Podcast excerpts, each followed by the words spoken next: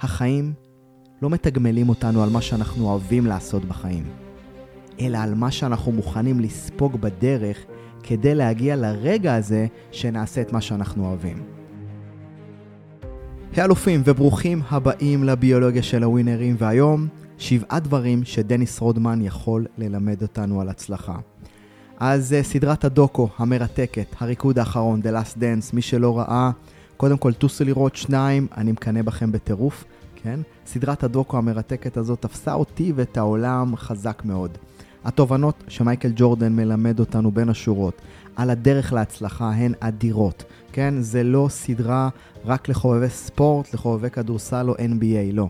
לכל אחד מאיתנו שהוא במסע שלו להישגים, למטרות, וצריך לעשות את זה בדרך כלל, אתם יודעים, אנחנו לא משיגים מטרות לבד, אלא עם אנשים ועם קבוצה, הסדרה הזאת בשבילו, כן? ככה מרגיש שיש לי איזה אחוזים בסדרה, מבטיח לכם שלא. אני פשוט חוקר כמוכם הצלחה ומת לא רק על איך ומה אנשים עשו בדרך לשם, אלא מה הם עברו כבני אדם במסע להישגים. אז אני מבטיח פרק חגיגי נפרד על The Last Dance, וזה יקרה ממש, אני ב- בסיום. הסדרה הזאת זאת סדרה שכבר ראיתי אותה פעם אחת. בפעם השנייה כבר התחלתי לראות אותה כמה שנקרא כמאמן מנטלי, ולא כאוהב, מה שנקרא ספורט מושבע. אז לצד הסדרה שבאמת מתמקדת כל כולה במייקל ג'ורדן, במסע שלו, הסדרה הזאת גם מפנה את הזרקור לדמויות מפתח, כמו סקוטי פיפן, המאמן פיל ג'קסון, שאגב כתב את אחד הספרים הטובים, 11 טבעות. הסדרה מתמקדת ביריבים של ג'ורדן, ואיך לא, היא מתמקדת באחד השחקנים, אולי מדמויות המפתח של הבולס. מדובר בדניס רודמן, אחד משחקני ההגנה הטובים בליגה בזמנו, וגם אחד הפרובוקטורים במגרש ובחייו האישיים. ולדניס רודמן, אגב, היו את כל הסיבות להפוך לילד הרע של הכדורסל. אלכוהול, מסיבות, רומן מתוקשר עם מדונה. הוא אפילו הבריז פעם אחת מאחד האימונים לפני אחד ממשחקי הגמר, כדי להשתתף בקרב היאבקות לצד האלק הוגאן. קולטים? אז כל הדברים האלה זה רק טעימה קטנה מהדרכים בהם דניס רודמן מצא מפלט אל החופש. אז עם המפלט הזה הוא גם סיפק לחם לתקשורת, שפשוט עטה עליו והפכה אותו למה שנקרא לבד בוי. אז, אז, אז איך באמת אפשר ללמוד מאדם כזה, שאיך לומר בעדינות, הדימוי שלו כספורטאי הוא לא כזה ספורטאי. מה זאת אומרת? ספורטאי זה לא רק מה אתה עושה במגרש, אלא בעיקר מה אתה עושה מחוץ למגרש. כן, אני תמיד אומר שיש את ההבדל בין מקצועי למקצוען. כן, מקצועי זה איך אתה בא, מה שנקרא בתפקיד שלך. מקצוען זה איך אתה בכל דבר שלא קשור לתפקיד שלך. כן? ויכול להיות מאוד אה, אה, עורך דין מקצועי מאוד, אבל הוא לא מקצוען בחיים האישיים שלו, כי הוא אה, לא באמת מתנהל כמו מה שנקרא, שהאדם עם הרספקט שהוא מנסה לכוון החוצה משדר. ו- ועם זאת, ואם חוזרים רגע לדניס רודמן, על אף כל הפרובוקציות האלה, מצאתי איזושהי נקודת אור שרציתי להעיר אותה כאן בפרק הזה. אז בפרק השלישי בסדרה, אמ, הריקוד האחרון, The Last Dance, הריקוד האחרון, אמ, קולטים שם את אה, דניס רודמן, אה, תוך כדי אימון בחדר כושר, פתאום הוא פולט איזה משהו לצלמי הסדרה, והוא פולט להם את המשפט הבא, והוא אומר, ואני מצטט, הוא אומר, כדורסל, אני אשחק בחינם, אבל את השכר שלי אני מקבל על הזיבולים, על הלחץ הציבורי שמגיע אחרי שיורדים מהמגרש. הכדורסל הוא פשוט, אבל כשיוצאים מהתחום הזה, זה קשה.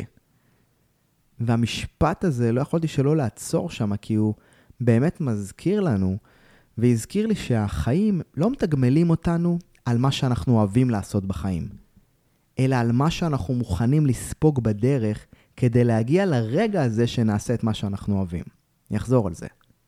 החיים לא מתגמלים אותנו על מה שאנחנו אוהבים לעשות בחיים, אלא על מה שאנחנו מוכנים לספוג בדרך כדי להגיע לרגע הזה שנעשה את מה שאנחנו אוהבים. אז הנה שבעה דברים שחשוב שנזכיר לעצמנו במסע הפרטי שלנו להצלחה. הדבר הראשון, כדי להצליח במשהו שנורא חשוב לנו, אנחנו נדרשים להתמודד עם אלפי דברים שלא ממש בא לנו להתמודד איתם, ועל זה משלמים לנו.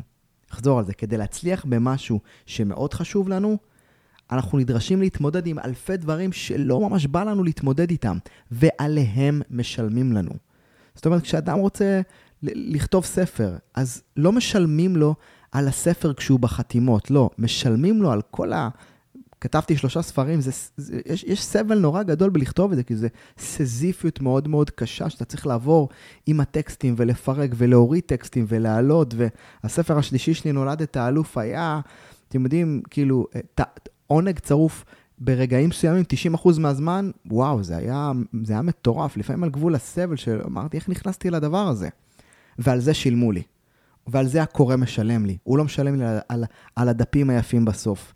ולפעמים אנחנו מסתכלים על ההצלחה ואנחנו לא מוכנים לשלם את המחיר, כי אנחנו אומרים, טוב, רגע, מה, כל, כל המסע הזה, כאילו, כדי להצליח להגיע לרגע הנחשף הזה שאני רוצה, בבריאות שלי, בכלכלה, בב, בכסף, בביזנס, בעסקים, בספורט, אני צריך לעבור את כל הדבר הזה.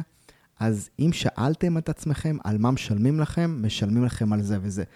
מאוד מאוד התחבר לי מהר מאוד כשדניס רודמן דיבר על זה, כי הוא אמר, בוא'נה, כדורסל אני אשחק בחינם, וזה מדהים וזה נכון, הדבר שאנחנו רוצים לעשות, אנחנו נעשה אותו גם בחינם, אבל לא עליו משלמים לנו.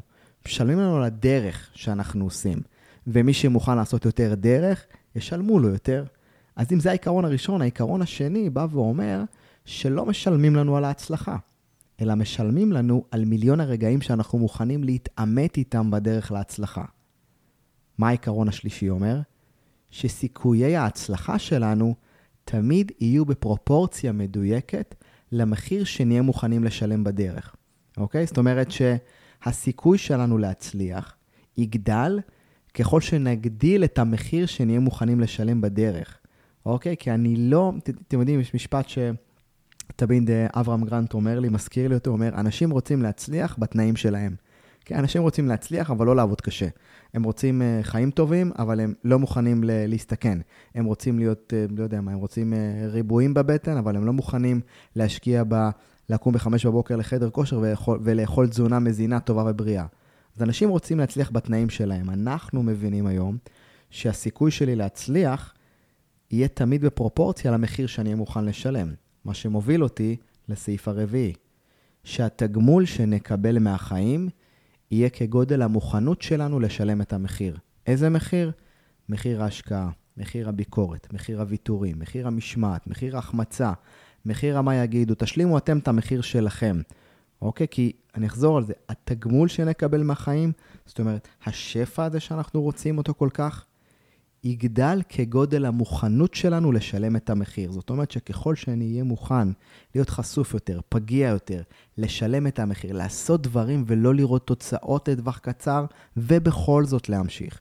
ככל שאני אמשיך לעשות את זה, כך סיכויי ההצלחה, או במילים יותר ככה פשוטות, הסיכויים שנקבל מהחיים יותר יגדלו, אוקיי? בואו נלך לסעיף החמישי. להצלחה יש מחיר, ולכישלון יש מחיר. השאלה איזה מחיר בא לנו לשלם בדרך. אוקיי, אני אחזור על זה. הדרך להצלחה יש לה מחיר, כן? ולפעמים אתה סובל בדרך להצלחה. הקטע הוא שגם לכישלון יש מחיר, וגם בדרך לכישלון אתה סובל. אז אני אומר, פשוט בוא תבחר איזה סבל אתה רוצה, כן? במרכאות, כן, אנחנו חלילה לא רוצים לסבול, אבל לפעמים הדרך שלי להעביר דברים, סורי, ככה, דר, טיפה קיצונית, אבל תהיו איתי. אז אם אני חוזר לסעיף, אז להצלחה יש מחיר, לכישלון יש מחיר. איזה מחיר בא לנו לשלם בדרך, זה הבחירה שאנחנו צריכים לעשות. עכשיו, סעיף מספר 6 בא ואומר שבדרך כלל יש שני מחירים עיקריים. אחד הוא מחיר ההתמדה, שתיים הוא מחיר החרטה. מחיר ההתמדה לא מבטיח לנו הצלחה. זאת אומרת, אם נהיה all in כל הזמן וזה, הוא לא מבטיח לנו הצלחה. מצד שני, מחיר החרטה, מהמילה להתחרט, מבטיח לנו לא להצליח. ואני סוגר בסעיף 7 שבא ואומר את ה-closure. ה-closure הוא מאוד פשוט. מחיר ההתמדה הוא מחיר כבד, אני לא אשקר. מחיר ההתמדה, מחיר המשמעת, מחיר ההמשכיות, הוא מחיר כבד, והוא דורש התמסרות בלתי רגילה. כי הוא דורש מאיתנו מה? להמשיך לעשות דברים גם כשאנחנו לא רואים תוצאות בטווח קצר. אבל מחיר החרטה הוא בלתי הפיך. כי כשאנחנו מתחרטים על משהו שלא עשינו, that's it, כבר מאוחר מדי. וכולכם מכירים את המחקר ששאלו אנשים על ערש דווי שנייה לפני שהם מתו, על מה מצטערים. אז הם לא מצטערים על מה שהם עשו שלא עבד. הם מצטערים על מה שהם לא עשו והיום הם כבר לא יכולים לעשות.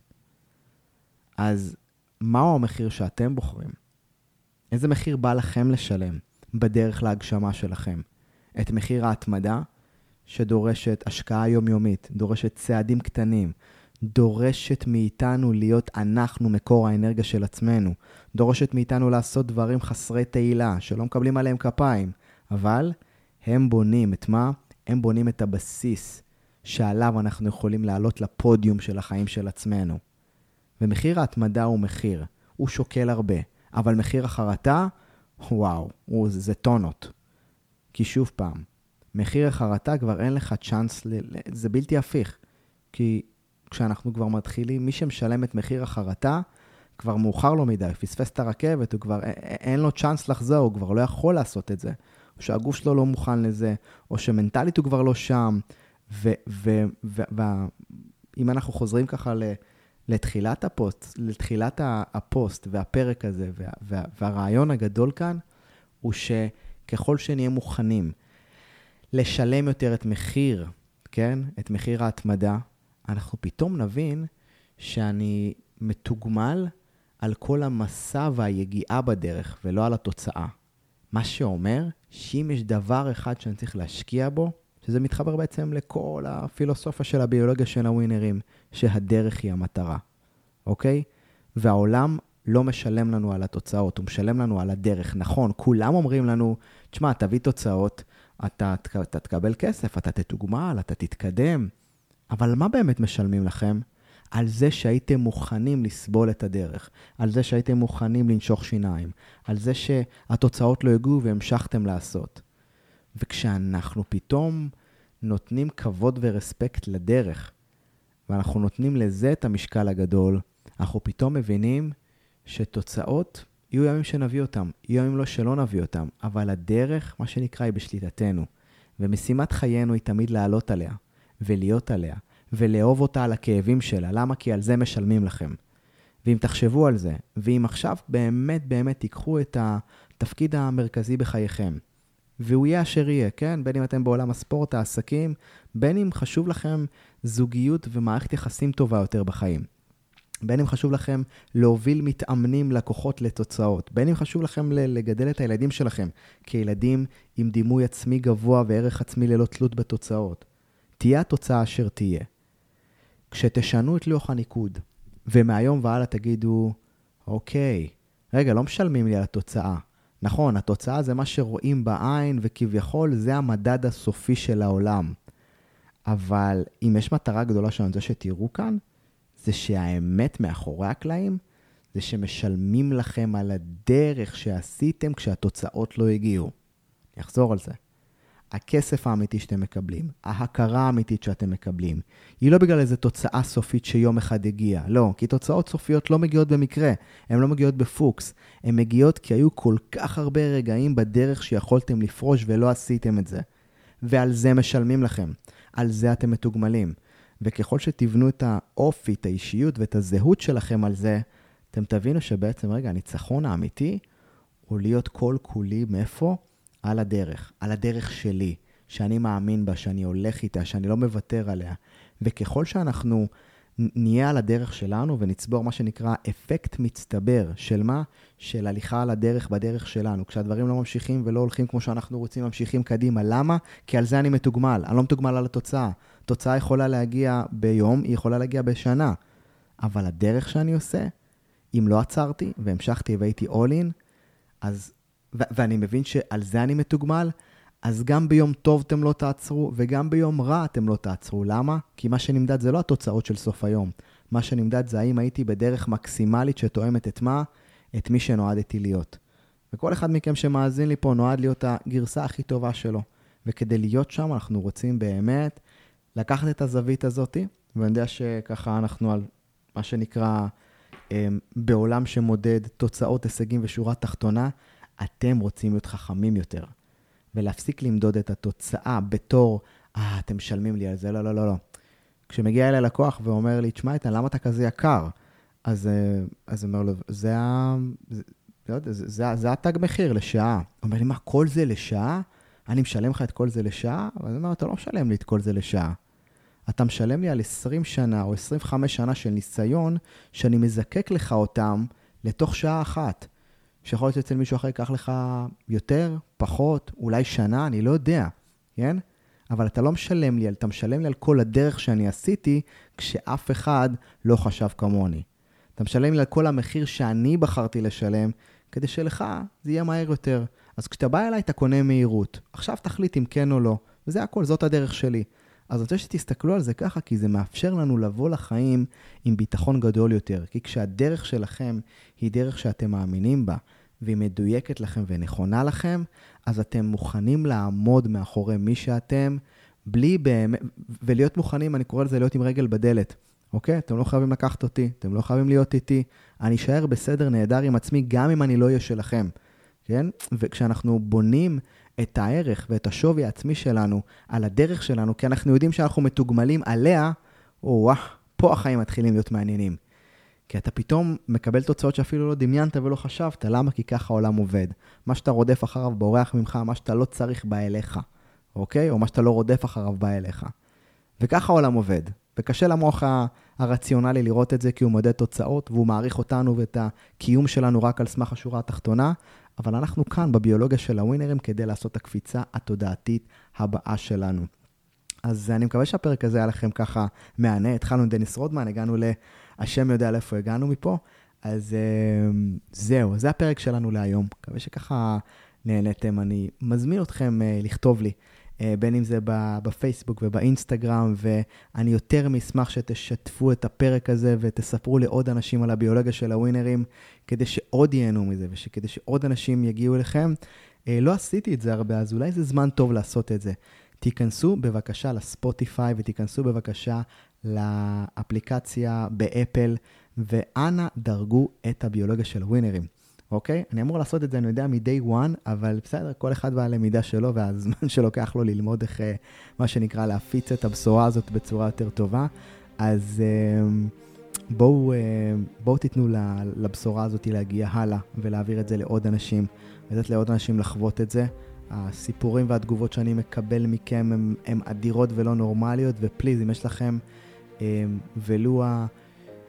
אה, תובנה נוספת הקטנה שעלתה לכם מתוך הפרקים, אתם יותר מוזמנים לשלוח אליי ולכתוב לי, האינסטגרם שלי איתן עזריה, אותו דבר בפייסבוק, E-I-T-A-N, A-Z-A-R-I-A, ואתם מוזמנים להגיע, לרשום, וזה הכל להיום. אנחנו uh, מתקדמים הלאה עם החיים, ואני מקווה שככה נהניתם ולקחתם משהו אחד משמעותי לעשות בעקבות הפרק הזה בחייכם, ושיהיה לנו באמת המשך... Uh, שבוע מעולה, ואנחנו נתראה בפרק הבא. צ'או.